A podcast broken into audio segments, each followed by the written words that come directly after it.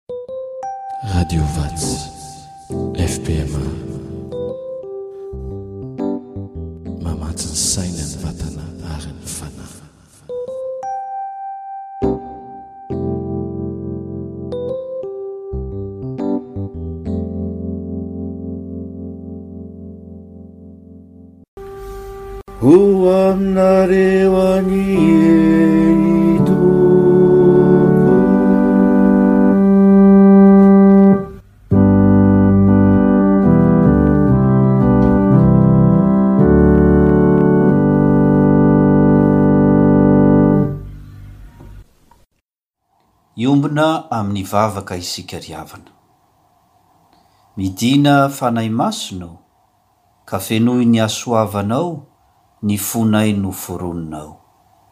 Aoka ny teny izay renesinay anio hitondra fampianarana sy fandresen-dahatra sy fanitsiana izay diso ary fitaizana amin'ny fahamarinana.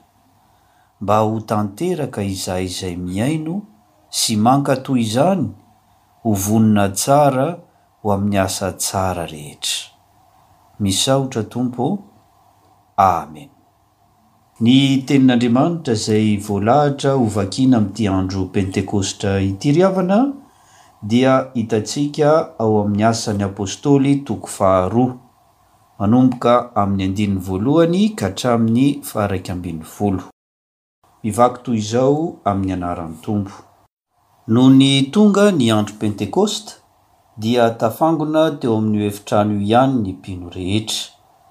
Ary nisy feo avy tany an-danitra tonga tapoka Tahaka ny rivo-mahery mifofofo ka nanenika ny trano nitoerany. Ary nisy lela maro mitarehin'afo niseho tamin'ny mpivory ka nizarazara nipetraka teny ambonin'ny tsirairay avy. Dia feno Fanahy Masina avokoa izy rehetra, ary niteny fiteny samihafa, araka izay nampitenenan'ny Fanahy azy avy. Tamin'izay dia nisy Jiosy mpivavaka tsara, zanak'Apelezana avy tamin'ny firenen-tsamy hafa ambanin'ny lanitra, tafatoetra tao Jerosalema. Vao nanomboka ilay feo dia nirohotra nanatona ny besinimaro sady sanganehana fatratra satria nandre ny mpino nampiasa ny fiteniny manokana Mahazatra azy mpihaino tsirairay avy. Talanjona sy gaga izy rehetra sady vaky vava hoe, Fa tsy avy any Galilea avokoa ve ireo miteny ireo? Ka ahoana no andrenesantsika tsirairay avy ny fiteny manokana nahabe antsika?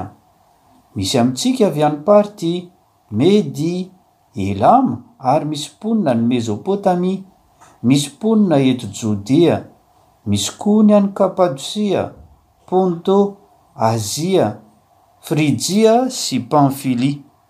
Ao koa ny avy any Ejipta mbamin'ny faritanin'i Sirena any Libia. Ary misy ny mpivahiny avy any Roma. Ao ny Jiosy, ary ao ny hafa firenena mpanaraka ny fivavahana jiosy. Mbola misy koa ny avy any Kreta sy Arabia, kanefa dia rentsika izy ireo milaza amin'ny fitenintsika avy ny zava-dehibe ataon'Andriamanitra. Hotohizantsika ny famakiana ny Teny, izany dia ho hitantsika ao amin'ny Epistily nosoratan'i Paoly ho an'i Korintiana. Korintiana Voalohany toko faharoa ambin'ny folo, ny andininy fahatelo ka hatramin'ny fahatelo ambin'ny folo. Korintiana Voalohany toko faharoa ambin'ny folo, ny andininy fahatelo ka hatramin'ny fahatelo ambin'ny folo. Koa mampahafantatra anareo aho fa tsy misy olona ampitenenin'ny Fanahin'Andriamanitra ka manao hoe, Voaozona Jesosy. Ary tsy misy mahay manaiky hoe, Jesosy no Tompo raha tsy amin'ny Fanahy Masina. Zarazarainy ho samihafa ny fanomezam-pahasoavana nefa ny Fanahy dia iray ihany. Ary zarazarainy ho samihafa ny fanompoana nefa ny Tompo dia iray ihany. Ary zarazarainy ho samihafa ny asa nefa Andriamanitra dia iray ihany, izay miasa ny zavatra rehetra amin'ny olona rehetra. ary izy rehetra dia samy nomena ny fampisehoana ny Fanahy hahasoa, fa ny anankiray nomen'ny Fanahy teny fahendrena, ary ny anankiray teny fahalalana, araka izany Fanahy izany ihany, ary ny anankiray finoana, amin'izany Fanahy izany ihany, ary ny anankiray fanomezam-pahasoavana hoenti-mahasitrana amin'izany fanahy iray izany ihany, ary ny anankiray ny manao fahagagana, ary ny anankiray ny maminany, ary ny anankiray ny mahafantatra fanahy samihafa, ary ny anankiray ny miteny amin'ny fiteny samihafa tsy fantatra, ary ny anankiray dia mandika fiteny tsy fantatra. Ireo rehetra ireo dia asan'ny fanahy iray ihany. Zarazarainy ho azy rehetra avy araka ny sitrapony.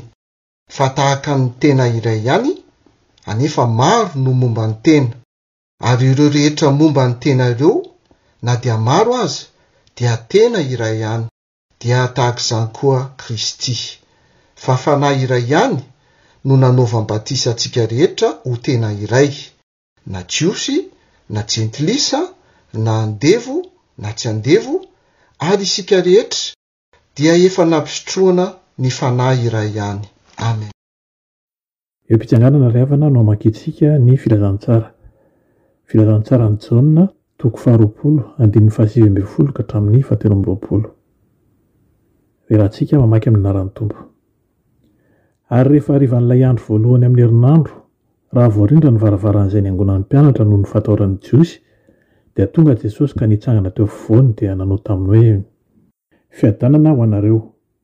Ary rehefa nilaza izany izy, dia nasehony azy ny tanany sy ny lany voany. Dia faly ny mpianatra raha nahita ny Tompo. Ary hoy indray Jesosy taminy, Fiadanana ho anareo. Tahaka ny nanirahan'ny Ray Ahy no anirahako anareo kosa. Ary rehefa nilaza izany izy, dia nanisy fofon'aina, ka hoy izy taminy, Raiso ny Fanahy Masina. Na heloka iza na heloka iza no avelanareo, dia voavela izany, ary na an'iza na an'iza kosa no tsy avelanareo, dia tsy voavela izany. Amen.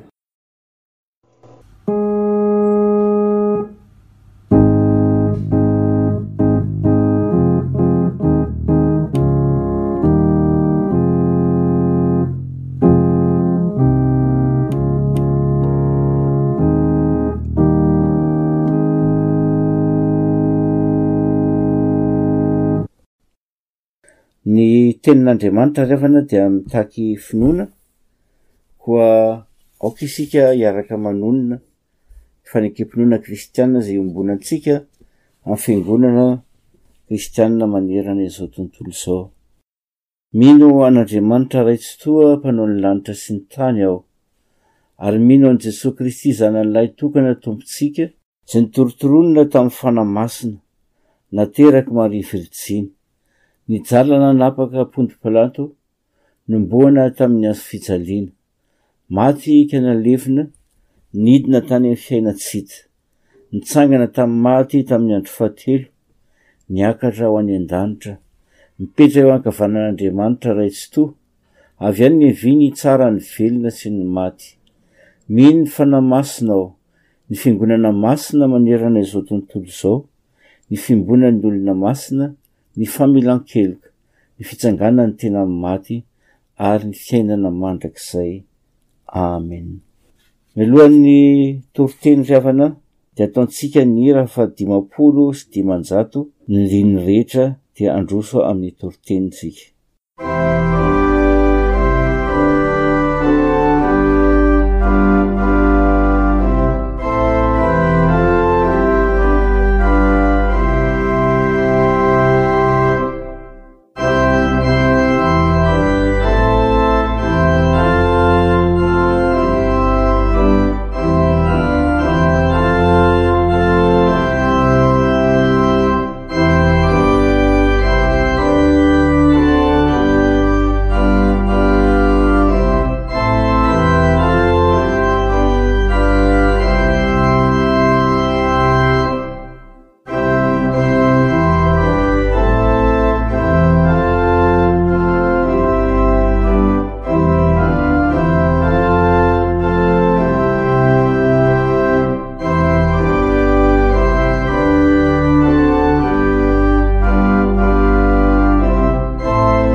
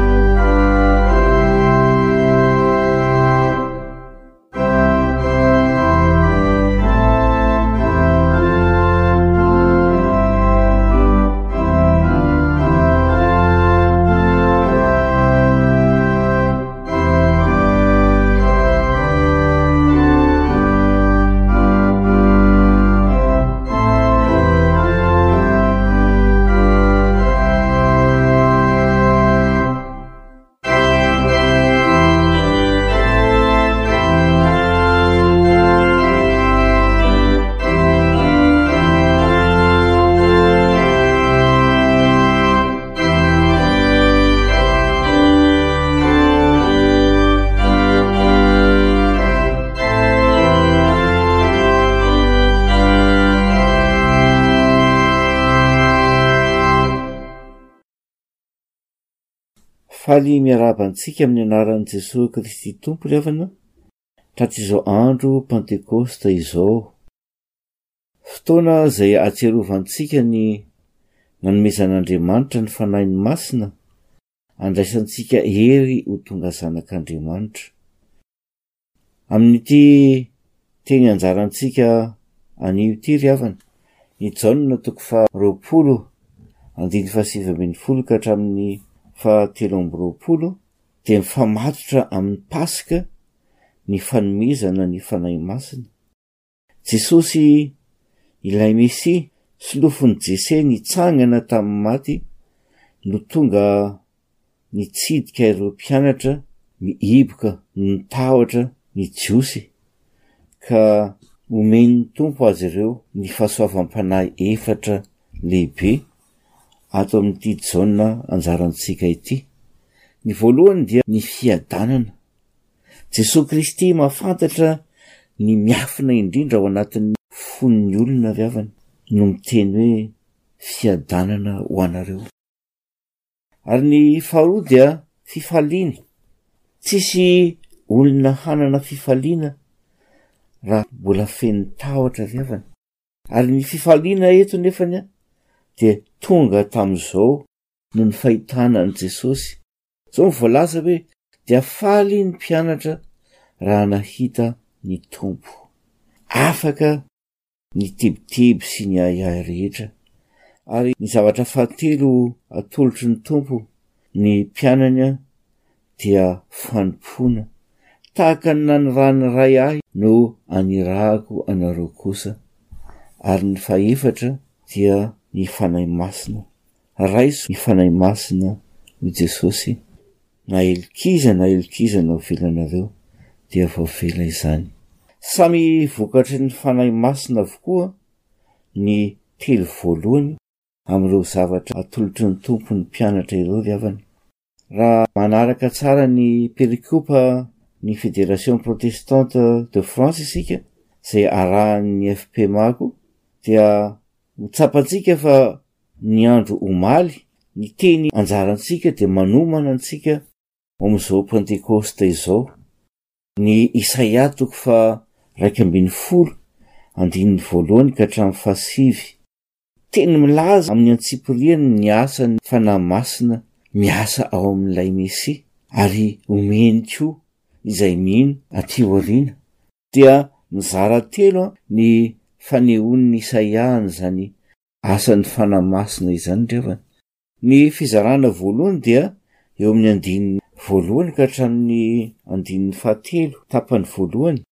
Ny fanahin'i Jehovah hitoetra ao aminy dia ny fanahin'ny fahendrena sy ny fahazavan-tsaina, ny fanahin'ny fanoloran-tsaina sy ny faherezana, ny fanahin'ny fahalalana sy ny fatahorana an'i Jehovah, ary ho hanitra ankasitrahana aminy ny fatahorana an'i Jehovah. Izany fanahy izany, ry havana, no omen'ny Tompo ny mpianatra raha miteny Izy hoe, Raiso ny Fanahy Masina. Ny fahendrena dia fahamatorana ara-panahy izay azahoan'ny mino mandray andraikitra eo amin'ny fiainany. Tsy mifanalavitra amin'izany ny fahazavan-tsaina ary ny fahendrena sy ny fahazavan-tsaina miampy ny fanoloran-tsaina avy amin'ny fanan'Andriamanitra avy amin'i Jesosy sy ny faherezana ary ny fahalalahana sy ny fatahorana an'i Jehovah, ireo no miteraka ny fiadanana sy ny fatoniana eo amin'ny toe-javatra rehetra iainan'ny mino. Maro be ny toe-javatra ary mila an'izany fahendrena sy fahazavan-tsaina izany. Mila fahalalana marina sy fatahorana an'Andriamanitra mba ho hanana fiadanana hatrany sy fahatoniana eo amin'ny fiatrehana ny asa fanompoana avy avany. Tsaroana eto Petera avy havana raha mbola tsy ampy fahalalana an'i Jesosy dia saiky nilentika raha nandeha teny ambonin'ny ranomasina tahaka izay nataon'ny Tompo. Tsy natoky Petera ka lasa navesatra tao am-pony ny tafio-drivotra saiky nilentika izy. Petera ihany koa raha mbola tsy ampy fahendrena sy fatokiana an'i Jesosy dia nikapa ny sofin'ny mpanompon'ilay kapiteny izay tonga hisambotra ny Tompo tao amin'ny saha Getsepane ary Petera ihany noho ny tahotra sy noho ny henatra dia nandà an'i Jesosy intelo. Hafa kosa ry havana ny toe-javatra rehefa nandray ny Fanahin'ny Tompo ny mpianatr'i Jesosy.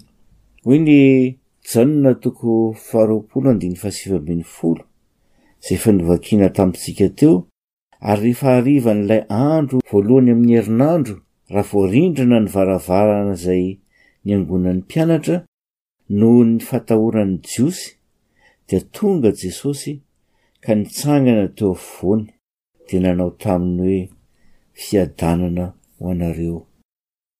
Tahotra no nameno fon'reto mpianatra ireto ry havana ka nahatonga azy ireo hihiboka na ho confine. Ny Fanahin'Andriamanitra no nanafaka azy ireo tamin'izany ary lasa feno fiadanana izy rehetra ka afaka nitondra ny Tenin'Andriamanitra tamin'ny fahendrena sy tamin'ny fahasahiana teo anivon'izao tontolo izao.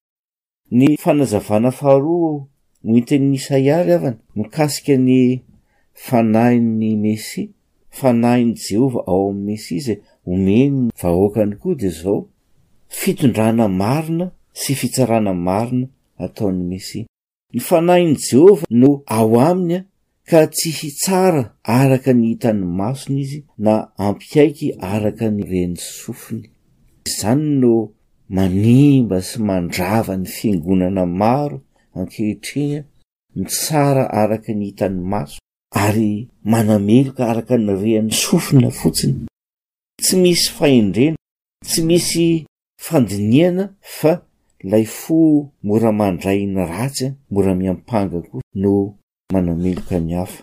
Fa koa lay fanahin'ny Tompo dia zao, fa ho tsarainy amin'ny fahamarinana ny malahelo, ary omeny rariny ny mpandefitra amin'ny tany, hamely ny tany amin'ny tsorakazon'ny vavany izy, ary ny fofonain'ny molony no amonoany ny ratsy fanahy. Fahamarinana no fisikinany ary fanahy mahatoky no fehikibony. Ireo filazana ny fanahin'i Mesia ireo ry havana dia milaza ny maha Andriamanitra Mpanjaka an'i Jesosy Kristy. Tahaka an'Andriamanitra ny teny sy ny fofonain'ny molony dia sady mahavelona no mahafaty. Andriamanitra nanao hoe misia mazava ohatra dia nisy ny mazava. Andriamanitra nanisy fofon'aina ilay tany ditra nanaovana Adama dia velona izy. Izany Jesosy Kristy ry havana. Hoy ny andininy faharaika amby roapolo sy faharoa amby roapolo amin'ny Jaona novakintsika teo, Fiadanana ho anareo tahaka ny nanirahan'ny Ray ahy no anirahako anareo kosa. Ary rehefa nilaza izany izy, dia nanisy fofon'aina ka hoy izy taminy, Raiso ny Fanahy Masina. Tamin'ny teniny no efa nananganan'i Jesosy an'i Lazarosy tamin'ny maty ry havana, ary tahaka izany koa no nataony tamin'ny zanakavavin'i Jairo. Eto kosa Jesosy dia nanisy fofon'aina ny mpianatra hanavaozany ny sainam-panahin'izy ireo, handraisany aina vaovao. Ilany tamin'ny fihobohana anaovan'izy ireo ny iraka nampanaovin'ny Tompo azy. Hitondra izany teny velona izany ry havana no anirahan'i Jesosy ny mpianany. Tahaka ny nanirahan'ny Ray ahy no anirahako anareo kosa. Ahoana moa no nanirahan'ny Ray an'i Jesosy? Nalefany eo anivon'ny zanak'olombelona izay fahavalo amin'ny toetra sy ny fiainana ary nampitondra faisana an'i Jesosy izao tontolo izao namantsika azy teo amin'ny hazo fijaliana. Tahaka izany no anarahan'ny Ray antsika hitondra ny fahazavana ary izay feno ny Fanahy Masina ka nandray fanavaozana marina. avy amin'ny Tompo dia tsy mitomoim-pona avy havana ary sahy mijoro mandeha manompo sy miasa. Ampandroso ny fanjakan'i Jesoa Kristy eto amin'izao tontolo izao. Ny lafiny fahatelo amin'ny asan'ny Fanahy Masina ambaran'i Isaia dia izao, ny fiovan'izay mandray ny Fanahin'ny Mesia tonga amin'ny fahalalana an'i Jehovah. Ohatra maro be no raisin'i Isaia amin'izany ry havana, eo amin'ny fiainan'ny zavamananaina any anaty ala. Ary ny amboadia, hoy izy, hiara-mitoetra amin'ny zanak'ondry, izay mpifahavalo raha eo amin'ny fiainana andavanandro, nefa lasa miara-miaina ny zanak'ondry sy ny amboadia.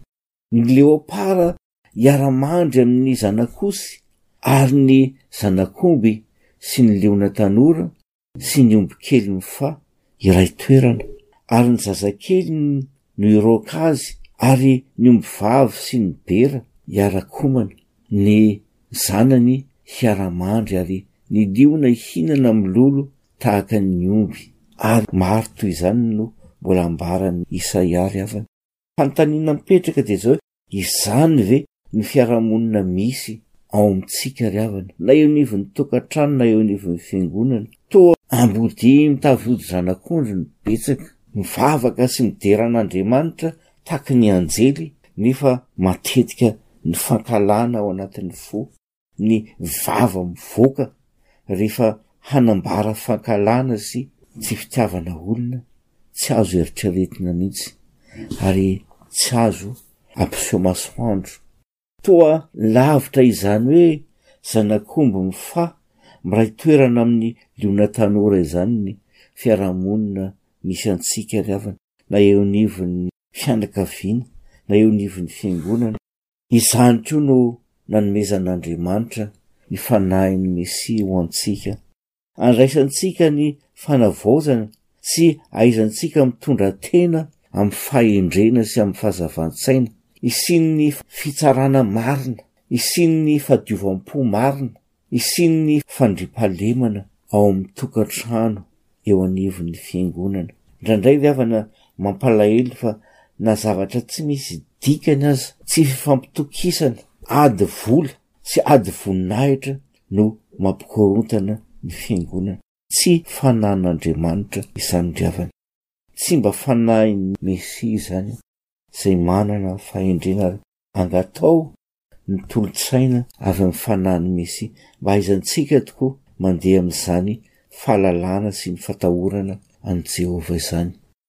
Ireo teny roa izay novakina tamintsika teo koa ry havana dia maneho ireo asan'ny Fanahy Masina, Fanahin'ny fahendrena sy fahazavan-tsaina ireo eo amin'ny fiainan'ny Fiangonana. Ny Asan'ny Apostoly ohatra izay novakina tamintsika dia maneho fa Rehefa feno ny Fanahy Masina ny Fiangonana dia fo iray sy vava iray no entin'izy ireo miara-mankalaza an'Andriamanitra. Ireo Jiosy marobe nandray ny Fanahy Masina tao Jerosalema dia nilaza hafatra iray monja ho an'ny olona rehetra tonga nivahiny tao. Iray feo, iray fo, iray saina ve ny Fiangonana avy havana? Vay saina ve ny fiangonantsika ary ao anivon'ny tokantranonao tena ray fo sy ray saina ve? Ny Korintianina indray kosa dia nilaza fa rehefa fenon'ny fanahy masina ny fiangonana dia Jesosy irery ihany ny tompony. Tsisy mahay miteny an'i Jesosy hoe tompo raha tsy avy amin'ny fanahy masina. ary rehefa feno ny Fanahy dia Tompo sy Mpanjaka, Jesosy Kristy, eo anivon'ny Fiangonana ary eo amin'ny fiainan'ny tsirairay. Ary ny tanjon'ny Fiangonana dia iray ihany, dia ny hanome voninahitra an'i Jesosy Kristy sy ny hampandroso ny Fiangonana. Izany ny Fanahy Masina avy havana. Misy eo amintsika koa ve izany?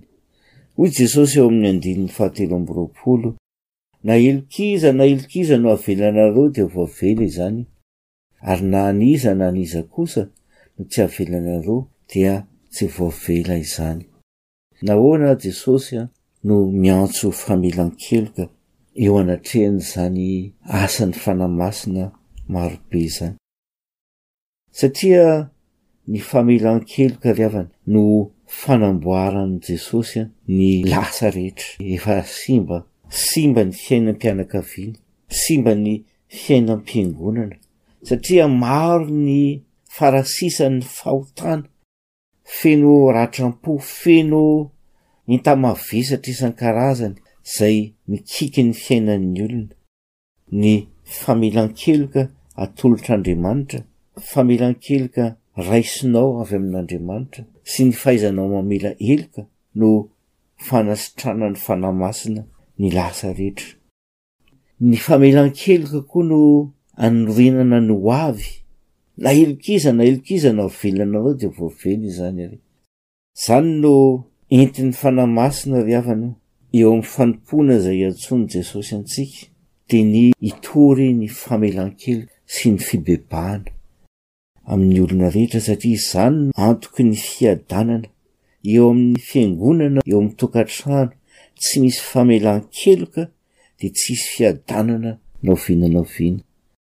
Izay tsy misy famelan-keloka dia tsy hisy fifaliana na oviana na oviana, ary ny fanompoana izay tsy miaraka amin'ny famelan-keloka dia fanompoana natao hirerehana sy hanomezam-boninahitra ny tena fa tsisy manome voninahitra an'i Jesosy. Izany no antso ho antsika ry havana. Raiso ilay fanahin'ny fahendrena, ilay fanahin'ny fahazavan-tsaina.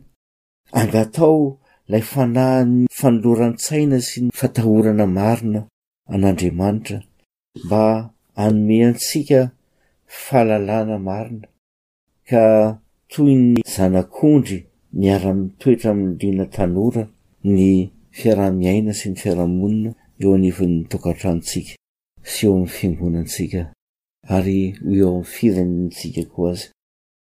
dia ho an'Andriamanitra lery ny voninahitra miaraka hitsangana isika. Fahasoavan'i Jesoa Kristy Tompo, ny fitiavan'Andriamanitra Ray ary ny firaisana amin'ny Fanahy Masina ho aminareo isan'andro anie. Amen.